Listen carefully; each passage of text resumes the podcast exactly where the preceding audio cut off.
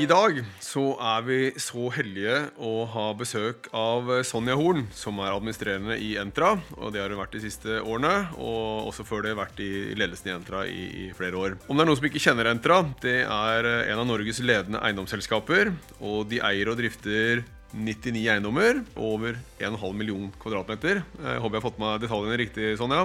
Ja. Og her handler det selvfølgelig om å leie ut, forvalte attraktive og miljøledende lokaler. Eh, som er noe av kjernen i Entra. En, eh, ganske nylig så var det også en rapport som dere lanserte Sonja, som heter 'Arbeidsplass for fremtiden'. Mm. Og tenkte det kunne være litt overskrift og inngang til praten vår. Ja. Og da har vi jo den, eh, si de som sitter helt forrest i, i markedet, og ser hva er det hva er det kunder er opptatt av? De som skal bygge om, de som skal ha nye leietakere. Hva er det de er opptatt av om dagen? Ja, det har jo vært en utrolig spennende periode vi har vært igjennom. Da. For, for, oss som lever av å skape arbeidsplassene hvor eh, folk skal få utført arbeidet sitt, så har vi vært gjennom eh, hjemmekontor og sett at uh, veldig mange av de trendene som vi så før pandemien, har egentlig bare akselerert voldsomt. Og så har man jo egentlig ikke vært helt forberedt på hvordan man skal uh, jobbe med det hybride kontoret i en mer permanent situasjon. Én ting var unntakstilstand, men hvordan skal vi nå ta det herfra videre? Og det vi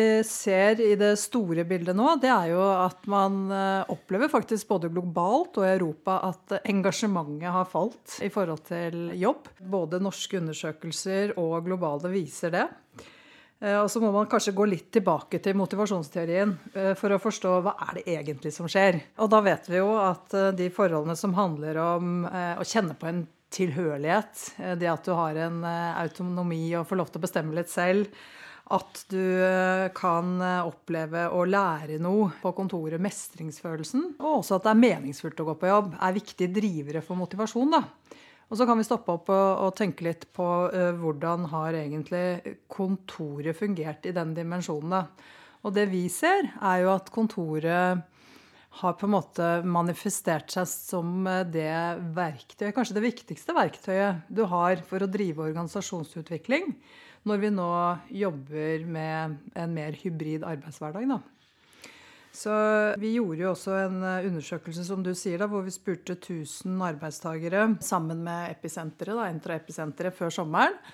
Hvor eh, funnene var ganske tydelige på at det er en eh, veldig viktig driver for innovasjon at man kan ha fysiske møter. Eh, det er liksom det mest effektive for å få til innovasjonsarbeidet. Og de, som, eh, de selskapene som definerer seg som mest innovative, eh, har høy bruk av det mm. fysiske kontoret. Og så vet vi jo at forskning og innovasjonsarbeid henger ganske tett sammen med det at du får en mer sånn desentral beslutningsmyndighet. Det tror vi også gjelder i forhold til det med arbeidssted. Da. At du får lov til å velge selv. ikke sant? Jeg tror det er mange som diskuterer nå i ulike ledergrupper altså ja, vi ser at det å få de ansatte inn er viktig for innovasjon. Også for kulturbygging, for å få til samarbeid, brytende siloer osv. Men så er det jo vanskelig da, å få det til, eh, og det er der vi kommer inn da. Så vi opplever jo at vårt produkt er kanskje blitt enda mer relevant da, eh, etter pandemien. Eh, og vi syns det er kjempegøy å kunne hjelpe kundene våre da med å utvikle det kontoret da, som de ansatte søker seg til. Da har vi mye å spille på. Det handler jo først og fremst om at du, du må jo eh, svare på oppgaven. ikke sant? Altså, Folk skal jo på kontoret fordi de har lyst til å gjøre en god jobb. De har lyst til å jobbe effektivt, være produktive. Og det å da ha et eh, fysisk kontor som gjør at du kan arbeide effektivt, litt uavhengig av hva slags type oppgaver de gjør, da, er jo helt avgjørende. Eksempelet som mange har brukt, er at ja, men jeg sitter jo hjemme fordi det er så vanskelig å konsentrere seg på jobb. Major fallitterklæring. Da har ikke vi levert et godt kontor. ikke sant? Og samme med Teams-møter. Det er vanskelig å sitte på kontoret og gjøre Teams-møter. Så da må vi også svare på oppgaven og, og, levere det fysiske arbeidsmiljøet som er en forutsetning for at man skal gidde å komme inn. Da. Og så handler det jo om eh, at folk kommer inn for å møte kollegaer. Det er kanskje den synes jeg, eh, viktigste dimensjonen. Da, fordi kulturen når du ikke, altså Skal du jobbe hybrid, så må du ha et ganske bevisst forhold til hvordan du bruker kontoret for å bygge kultur. Vi så under pandemien at det samspillet digitalt fungerte veldig effektivt. Det handlet jo veldig mye om at eh, folk kjente hverandre.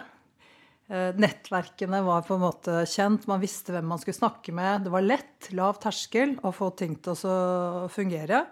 Men det er klart at over tid, når du skifter ut arbeidsstokken, nye folk kommer inn, så må det jo investeres tid i relasjoner for å klare å få til den samme effektiviteten i hybrid. Da. Eh, så det er jo en kjempeviktig rolle for oss å klare å finne ut av hvordan kan vi hjelpe til da, med å utvikle produkter og tjenester som gjør at de ansatte kommer inn. Da.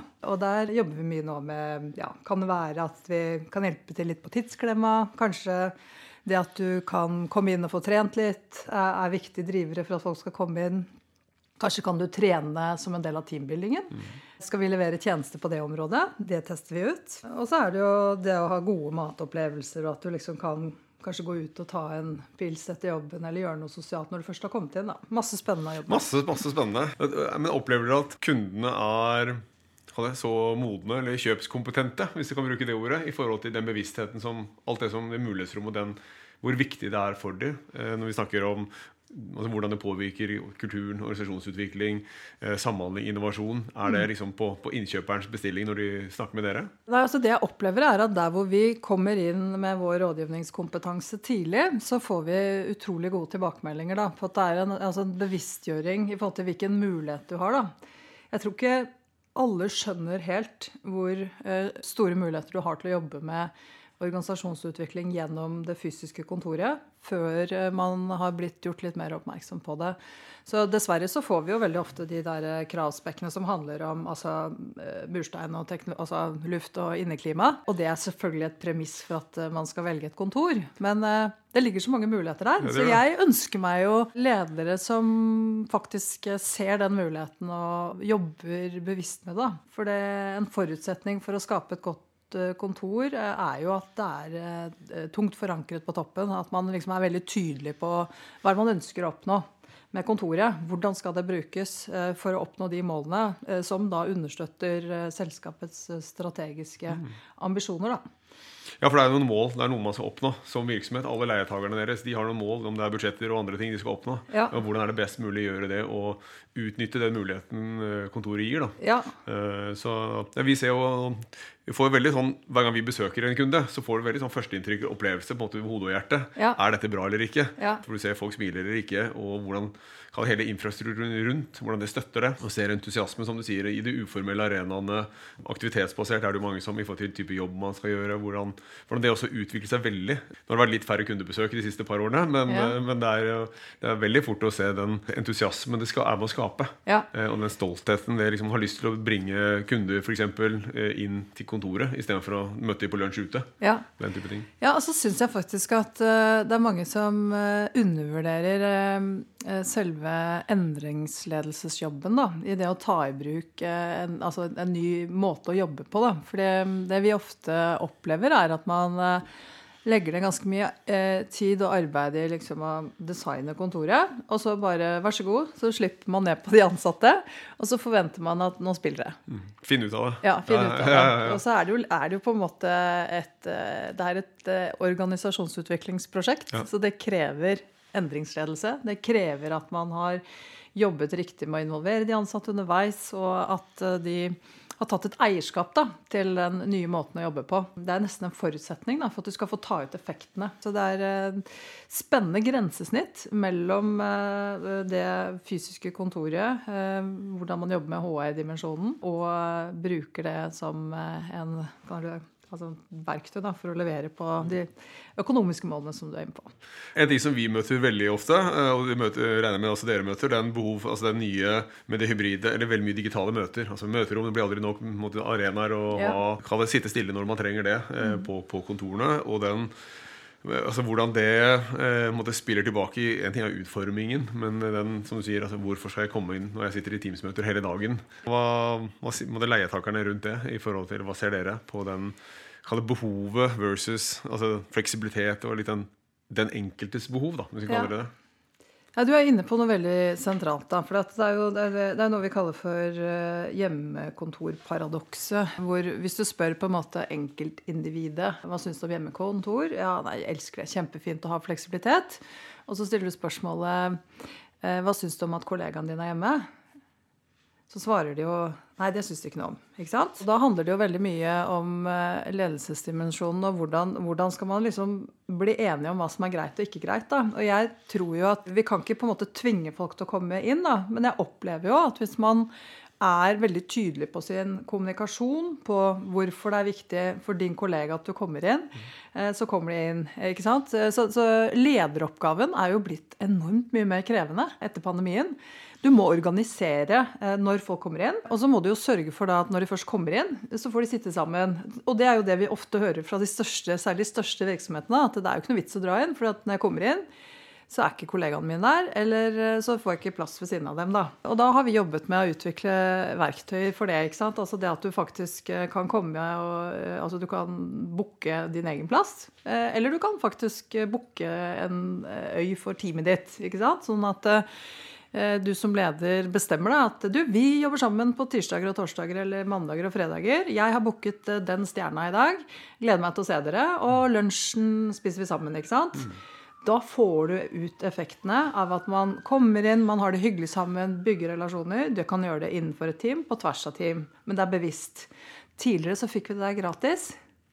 Det må vi jobbe med i dag. Mm. Ja, Det er en viktig lederutfordring altså i hverdagen. Ja. Ikke om det er det strategiske, men bevissthet i hva, hva som er relasjonsbyggende og relasjonsskapende. Og på, på kryss og tvers også. Ja. Apropos siloer og ikke-siloer. Kanskje en myte som ligger, for det er jo bare lyst til å avkrefte. Uh, høre litt. den derre man flytter i kontorer for å spare kvadratmeter. For det mm. opplever jeg også fra, fra dere at det er litt mer Vi beholder samme plassen. Men vi må gjøre det på andre måter nettopp for å få tiltrekke folk. Det er ikke måtte finne nye løsninger for å spare kvadratmeter og spare kostnader nødvendigvis. Nei. Vi følger jo selvfølgelig veldig nøye med på, mm. på disse datapunktene. Da. Og det vi ser i, i Norge, eh, det er jo at antall kvadratmeter du signerer, er veldig likt. Mm. Lengden på kontraktene er veldig likt. Men som du er inne på, eh, hvordan du eh, programmerer arealet er veldig annerledes. Da. Så fra og ha hatt mer eh, plass til eh, individuelle pulter, eh, til nå å ha mer plass til samhandlingsarenaer ulike typer. Teams-møtefunksjonalitet, gode sosiale soner også. Det skal være litt sånn at du skal føle deg hjemme på kontoret. Og at det er mye mer gjennomtenkt hvordan man bruker arealene. Og så er det også det at du, selv om du har folk delvis på hjemmekontor, så er det jo sånn at det er en ganske viktig viktig del at du først har plass til folk når de velger å komme inn. Da. Veldig mange har jo valgt å være hjemme på mandager og fredager. Og det betyr jo at presset de tre andre dagene er veldig høyt. Så hvis du på en måte kjører et kostnadskuttprosjekt og drar ned arealene, så risikerer du jo at folk kommer inn og ikke får plass. Da er det oppoverbakke å jobbe med å få de inn. Mm. Ikke noe tegn til at vi bruker mindre areal eh, i Norge, men man ser det jo i større grad i byer som New York, San Francisco, store metropoler da, hvor du har litt lang pendleravstand inn. Der sliter de med å få folk inn mm. på kontoret. Den verdien blir så stor for enkeltindividet å sitte hjemme at det er helt andre utfordringer. Og så tror jeg også at eh, det handler litt om at vi har kort pendlevei, eller kort reisevei relativt sett i Norge. Men vi har jo også eh, ganske gode urbane kvaliteter ofte. Høy kvalitet på kontorene. Vi reiser jo en del rundt og ser på kontorer i andre storbyer, og det er ikke samme eh, sakene, altså. Den norske arbeidsmodellen er litt annerledes. Mm. Ja, det er jo det. Som du sier, både si, transport som du sier, og relativt kort i forhold til mange andre byer. Til og fra jobb. og og, og kvaliteten, Ja. For det er noe vi ser veldig på. Og vi ser også noe av det internasjonale som, som du bekrefter der, i forhold mm. til uh, hovedkontoret vårt i, i, San Francisco. Så mm. der hører vi mye fra. Og vi er jo i, i mange byer rundt i verden. Det, uh, men i forhold til naboene våre, Sverige, Danmark, er vi veldig annerledes enn de i forhold til kvadratmeter og måte, hvor vi ligger i løypa på det. Nei, det syns jeg egentlig ikke. Det vi ser som veldig tydelige trender, er jo altså at folk velger å legge kontorene på mer urbane, altså mm. urbane strøk. Altså eh, knutepunktene så at folk kan komme raskt inn. Helst slippe å bytte for mange ganger. At du har noen muligheter til å gjøre andre ting sosialt da, eh, rundt arbeidsstedet ditt. Da. Så det er viktigere og viktigere. Ja, Det opplever vi også, i hvert fall si, i Oslo, men også i andre byer. Den mm. Fra måte, lenger ut av byen, lavere kvadratmeter og holde plassen, kanskje, mm. til mer vi må komme til sentrum. Nære ja. som du sier, knutepunkter, Oslo S eller hva det skal være. at det er mm. mere. Og det, i hvert fall når vi ser litt utviklingen i byen nå, jeg ser noen av deres eiendommer òg, så er det jo veldig si, sentrumsnært og veldig attraktivt for mange av de store virksomhetene. Ja, nei, vi har en veldig spissstrategi. Så vi, vi, vi har investert på knutepunktene ja. i de tre største byene mm. i Norge. Da. Mm. Uh, that's it. Ja. Så strategien traff veldig bra med timingen også. Den er blitt enda mer relevant, vil jeg påstå. Ja, Ja, trendene har jo ligget der lenge. Ja. Så det er, liksom, det er egentlig bare den akselereringen som kom veldig. Mm. Ja. Og så har vi det andre som eh, vi også for så vidt bør, bør være litt innom, og det er jo eh, selvfølgelig bærekraft og ESG som eh, viktige drivere også. Mm. Der synes jo jeg det, Vi har jo jobbet med miljølederskap som strategi i 20 år. Og det er klart at det har vært en formidabel reise, for ingen som skjønte hvorfor vi skulle bygge disse miljøbyggene for 20 år siden. Mens nå så er det opplagt. ikke sant? Altså, og det igjen koker jo litt ned til at eh, den yngre generasjonen er jo mye mer eh, opptatt av å ha altså, en meningsfull arbeidshverdag, og at det må være troverdig det bedriften gjør i forhold til hva de sier. da. Så det, Du kommer jo ikke unna med grønnvasking lenger. Altså Hvis du sier at du er bærekraftig, så skal du jo ha et kontor som walks the talk. Og du må levere på den dimensjonen, altså at det er eh, ta vare på klimaet, at vi har gjort det vi kan eh, for å kutte utslipp. Og den eh, dimensjonen er jo eh, krevende, ikke sant? For at nybygg er jo veldig enkelt. Eh, Der kan du bygge eh, nytt, veldig miljøvennlig nytt. Men det mest miljøvennlige vi gjør, er jo å bruke eksisterende bygningsmasse. Så der igjen har vi en kjempejobb å gjøre med å skape en forståelse også ute da, hos våre store leietagere. i forhold til at eh, Når dere spør oss om lokaler og skal ha miljøriktige lokaler, så, så kommer de jo med nybyggspesifikasjoner, og det klarer dere å svare opp med eksisterende bygningsmasse. Eh, Så vi jobber jo veldig med økt bevisstgjøring for i forhold til det at du må på en måte jobbe med Hvis du skal jobbe med et eksisterende bygg, så må du ta utgangspunkt i det du har, og så må du gjøre det miljøvennlig. Eh, hvis du skal rive ut og bygge opp på nytt, så mister du jo hele di- miljødimensjonen. Da. Så det er eh, litt sånn dilemma som vi, eh, vi baler med i hverdagen i forhold til bærekraftsperspektivet. Men jeg syns det er utrolig kult å se hvor bevisste den særlig yngre generasjonen er i forhold til både valg av, arbeidsgiver, eh, men også altså at kontoret, som liksom er selve identiteten til virksomheten, da, svarer på, på det. Opinion de gjør en årlig studie av Ung, eh, som de kaller det, Ung-rapporten. Og Det viser jo akkurat hvor viktig på det kontoret er for de, som møteplass og sosial arena. Eh, altså De unge, det er sånn 20-25 år, apropos de nye som kommer inn. Eh, som bekrefter det du sier. Og også den viktigheten av altså, miljø, bærekraft, hvor eh, og det, vi, har, vi har sett trenden en stund. Dere var jo veldig i forkant, tidlig ute eh, i Entra. Altså Hvordan det er også i, i ledelse og kommunikasjon. Altså i At det er en rød tråd når vi sier det ene. At vi, som du sier, walk the talk. Ja. Eh, det er ofte lett å Eller oppstiller vi i hvert fall, at det blir liksom undervurdert. Også kanskje hvis man har et litt meningsfullt oppdrag som virksomhet, så glemmer man ja, men det er så meningsfullt, så man har liksom hjertet banker hver dag på alle som jobber der. Ja. Og så glemmer man kanskje litt miljøaspektet. Der har jeg altså noe som jeg har jobbet tett med. Jeg vet ikke om du kjenner Redd Barna-huset? Eh, Men jeg jobber med de, og det er altså, som jeg har jobbet litt med selv. Da, og det, også denne, det er så meningsfullt å jobbe der. Ja. Men for barns fremtid så Ja. må jo vi også være bærekraftige i forhold til nytt bygg. hvordan de tenkte. Veldig, veldig spennende det som de, der de har flyttet inn nå. Ja. Men eh, sånn er det jo Alle er ikke like modne på det. for å si det, eller bevisste på det. Nei, og der har vi en jobb å gjøre. Men det som er bra, da, det er at våre ansatte syns jo det er noe av det morsomste vi gjør. Ikke sant? Så jeg opplever at eh, vi i Entra har ekstra motiverte ansatte fordi de får lov til å jobbe med, med bærekraftsdimensjonen. Da. Og så er du inne på noe spennende for å til Redd Barna. For det, den sosiale bærekraften kommer jo høyere og høyere opp på agendaen nå. ikke sant? Så vi har jo jobbet lenge med miljøperspektivet, og nå jobber vi med, mye mer med det sosiale for å forstå hvordan skal vi angripe det. Vi er bare 200 ansatte, så det er grenser for hva vi, vi liksom klarer å få til. Men vi har jo ringvirkningseffekten da, ved at det er en, eh, ja, jeg tipper 60 000 mennesker som jobber i våre bygg. Veldig mange store virksomheter. Så der er jo det veldig gøy. Nå jobber vi med utviklingen av området rundt eh, Oslo S, som liksom er det store, nye transformasjonsområdet i Oslo. Hvor eh, utfordringen på en måte blir å virkelig ta vare på det fantastiske mangfoldet du har der nede. Det er jo det eneste stedet i Norge du kan komme inn og oppleve noe som ligner på eh, internasjonal puls. Samtidig som det er veldig mange sosiale utfordringer i området. Så da har vi jobbet ganske grundig med en sånn innsiktsplattform for å forstå ok, hva, hva er det som på en måte man kan gjøre i denne bydelen da, for å bidra. Eh, Og mye handler jo om opplevd trygghet, eh, som igjen handler om hvordan eh, liksom de fysiske mulighetene Altså hvordan man beveger seg rundt, hvordan belysningen er. Mye handler om at eh, det er trangboddhet der, og, det er altfor lite tilbud i form av gode plasser og utearealer for barn å gå. Eh, de går på gata og ender opp med å bli gode selgere på helt feil produkter, istedenfor å kanskje ha et ungdomshus eller noe som vi kan hjelpe til med. da. Eh, og så er en av de viktigste dimensjonene der at man eh, trenger bedrifter som er villige til å gi de unge erfaring, sånn at de kan få seg en god mestringsfølelse og erfaring i arbeidslivet, og så gå videre på rett spor. da. Så der håper jeg at vi skal klare å engasjere alle våre kunder, da, leietagere i området til å bidra. Så hvis alle tar på seg liksom én ansatt eller kan bidra til å hjelpe én person, så monner det faktisk litt, da. Mm, med Entra som aktør. Syns jeg er gøy. Ja, så gøy. Ja, det, og det skjønner jeg. Det, altså, fordi det vi opplever mye, den altså ESG, når vi snakker om det, så er det miljøet, som du sier, det har hatt den ene har vært veldig synlig og ligger i forkant og opplever veldig mye. Men med en gang du går på eh, S-en og G-en i det, så det er ganske umodent for å oppleve vi, i hvert fall. Og så gjøre den koblingen. Ja. Den, hva ligger egentlig? Og så er det litt diffust. Og, men der opplever jeg litt bærekraftsrapporten og ser hvordan dere jobber med det også. En ting er rapporteringsmessig, men det er jo mer å bare dokumentere hva dere faktisk gjør, og investerer i, ja. i respektive. Er det noe råd, eller hvordan er det dere, eller du, dere klarer å få det til å bli ikke rapportering, men si, til et konkurransefortrinn hvordan dere jobber med kulturen deres. altså Bruke ESG, rammeverket. Ja.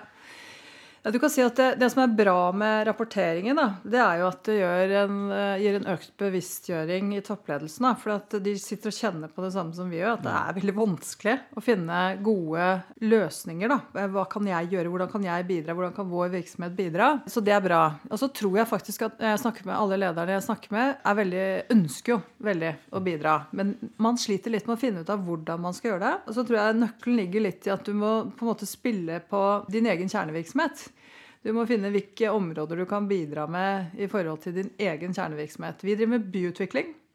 Så vi skal, vi skal, på en måte inn der og bidra. Mange av kundene våre er kompetansebedrifter som kan mye teknologi. Kanskje kan de bidra uh, i forhold til ungdommen i området og hjelpe til der. Og så tror jeg at hvis vi kommer med spennende prosjekter da, som de kan være med på og servere de på en fjøl, her har du mulighet til å ta et uh, ansvar sosialt. Har du lyst til å være med? Eh, så er i hvert fall min tro eh, at eh, det vil bli satt pris på. Mm. Og så er vi tidlig i det arbeidet, men det gjenstår å se, da. Ja, det gjør det. Og det er jo ofte noe av disse er jo å kalle den litt myke, myke verdier som er kanskje vanskeligere å sette noen mål eller kopier sånn, rapporteringsmessig på. Og i hvert fall i en kontekst, som, ser, mm. noe av dere, som dere gjør veldig tydelig. Det er også kalle på sosiale, hvis vi ser også internt. da, mm. Eller liksom ansvarlig styring og ledelse. Hvis vi slår de litt sammen også, så er det den hvordan dere setter måling for eksempel, da, og innsikt om egenkultur. Ja. Eh, og setter det i en kontekst i forhold til noe. Det er ikke bare eh, 73 er happy. Det er Nei. i forhold til noe. Og det tror vi veldig på. Og det er jo, som vi ser, det er en del av våre kunder som bruker typisk at vi er sertifisert. Sånn som også dere bruker sant? Mm. At det er en synlig KPI eller milestone, hvis vi kan si det sånn, da, i eh, å bevisstgjøre eh, hvem vi er, og mm. at vi må jobbe aktivt på de andre dimensjonene, ikke bare miljøsiden? Ja, jeg tror det er viktig å måle eh, hva du får til også. Mm. Jeg tror det er helt avgjørende, faktisk. Og det gjør vi Jeg syns det er faktisk et godt eksempel. Jeg jobber med et, utvikling av et superspennende prosjekt rett nede ved Vaterland, altså ved, ved siden av Oslo Spektrum. Mm. Som blir da et veldig bærekraftig bygg. Det skal det bli. Men det som er nytt for det prosjektet, er at vi har satt veldig konkrete sosiale mål. Da, Basert på den innsikten vi har gjort i området, så har vi sagt at vi skal sette av et areal hvor vi skal tilføre bydelen eh, et tilbud eh, som eh, er for barn og eldre. Og så må vi jobbe med å finne løsningene underveis. Men det at vi setter de målene, det driver organisasjonen vår. Det gjør at de jobber med det. Og det er egentlig helt avgjørende. For det skjer jo ikke hvis ikke du måler og, og på en måte følger opp på den systematiske måten. Altså Vi har veldig gode erfaringer med det på bærekraft, altså miljødimensjonen historisk når vi har jobbet med det. Så håper vi å få til det samme på det sosiale. Jeg syns jeg ser eh, tegn til at organisasjonen flytter seg i den retningen nå. Og det er veldig gøy. Mm. Mm. Ja, det skjønner jeg. Og inn på, på den, eh, den, dimensjonen der, for der er jo dere også i endring. Hvis vi tenker egen kultur, eget lederskap, hvis vi drar litt også S-en også inn der i forhold til det mm. sosiale hos dere, hva, hva, er det viktigste kjenner du på i forhold til si, lederskap? og nå, nå kjenner dere at vi lykkes med ditt eget lederskap i Jentra? Vi har jo jobbet veldig verdibasert og opplever jo egentlig at det har gjort at vi har klart å få bygget en kultur uh, som er veldig linket opp mot verdiene. Jeg, jeg, blir veldig stolt når jeg av og til er ute og liksom høre samarbeidspartnere holdt en tale til oss og sa liksom dere oppleves som et fantastisk bra lag. Dere jobber så godt sammen. Dere er eh, utrolig nyskapende og ansvarlige. Og det er liksom Oi! Sa han alle tre verdiene våre? Ikke sant? Altså, så verdibasert er eh, nøkkelen i uh, hvordan vi jobber med lederskap. Og så har vi utrolig engasjerte folk, da. Og der syns jeg faktisk det samfunnsansvaret vi tar, er en viktig del av det. For jeg merker at det er det folk eh, løfter frem som en av de morsomste årsakene til at de mm. trives med å jobbe i Entra. De er veldig mm. stolte over å jobbe i Entra pga. Mm. det. Mm. Så det henger jo tett sammen. Ja, det, det er helt klart det gjør. Det er helt klart det gjør. Ja. For det er jo, når du sier det på verdibasert, så er det jo noen som lykkes veldig bra med det, og andre hvor de tenker verdibasert, og de henger med på veggen, og de klarer ikke å få det ut Nei. hele veien. Er det noen suksessoppskrift, eller har du noen eksempler på hvordan dere lykkes med å få måte, det verdibaserte levende? Vi bruker det hele tiden. altså det er litt sånn, Vi jobber med det som en del av DNA-et vårt, vil jeg si. det. Altså det er litt det samme som vi snakket om i forhold til miljølederskap. Så startet vi jo med at det var en ekspert som satt inne på et kontor og definerte liksom hva er det miljøet handler om. Og så har vi på en måte operasjonalisert det ut i hele linja, sånn at alle forstår hvordan de kan bidra og ta et ansvar. Og det er jo litt den overføringsverdien som vi tar med oss i alt vi jobber. da. Du må på en måte prøve å koble eh, oppgavene hver enkelt gjør, med hvordan de kan bidra. da. Og så gjør vi det på Vi jobber på denne måten. Med disse verdiene i bånn, alle sammen. Jeg syns det fungerer veldig bra. Snakker, jeg snakker om det i alle allmøter. Vi bruker det eh, i alle evalueringer av ansatte. Eh, og det er jo noen verdier som er sterkere enn andre hos oss. Men jeg har lyst til å avslutte litt sånn i forhold til hva er det viktigste som dere ser, som de kan ta med seg i forhold til den møte fremtid på kontorer, eh, arbeidsstasjoner, hvordan jobbe, hva, hva, dere ser som de viktigste trendene? Jeg tenker jo i hvert fall at Det viktigste bør jo være at man må sørge for å se muligheten som ligger i kontoret som verktøy for organisasjonsutvikling. og ikke ta for lett på det at eh, du kan bruke kontoret til veldig mye mer enn bare et eh, fysisk arbeidssted. Eh, og så er det jo mye forskning nå som understøtter det at fysiske møter er bedre enn digitale for kreativitet. I Norge så skal vi faktisk prøve å utvikle virksomheter som skal levere fremtiden til generasjoner med noe annet enn olje. Og vi er jo egentlig helt avhengig av at vi klarer å skape miljøer hvor eh, innovasjonen blomstrer. Der mener jeg at man eh, må tenke nøye gjennom hvordan man ønsker å bruke kontoret til det. Eh, man må fortsette å jobbe strategisk da, med kontoret som verktøy, og ikke minst være oppmerksom på at det krever faktisk noe fra lederskapet også. Da. At du, du kan ikke forvente at folk bare ramler inn på kontoret. Du må være enig om hva du ønsker å få til. Legge tydelig føring på hvordan man skal få til å jobbe, jobbe systematisk med det også. Da. Det ligger utrolig mange muligheter i det, som jeg håper at alle ledere. Velger å ta tak i. Mm. Ja, det er veldig bra, kloke avsluttende ord. Så hjertelig takk, Sonja, for praten. Veldig interessant. Takk for det.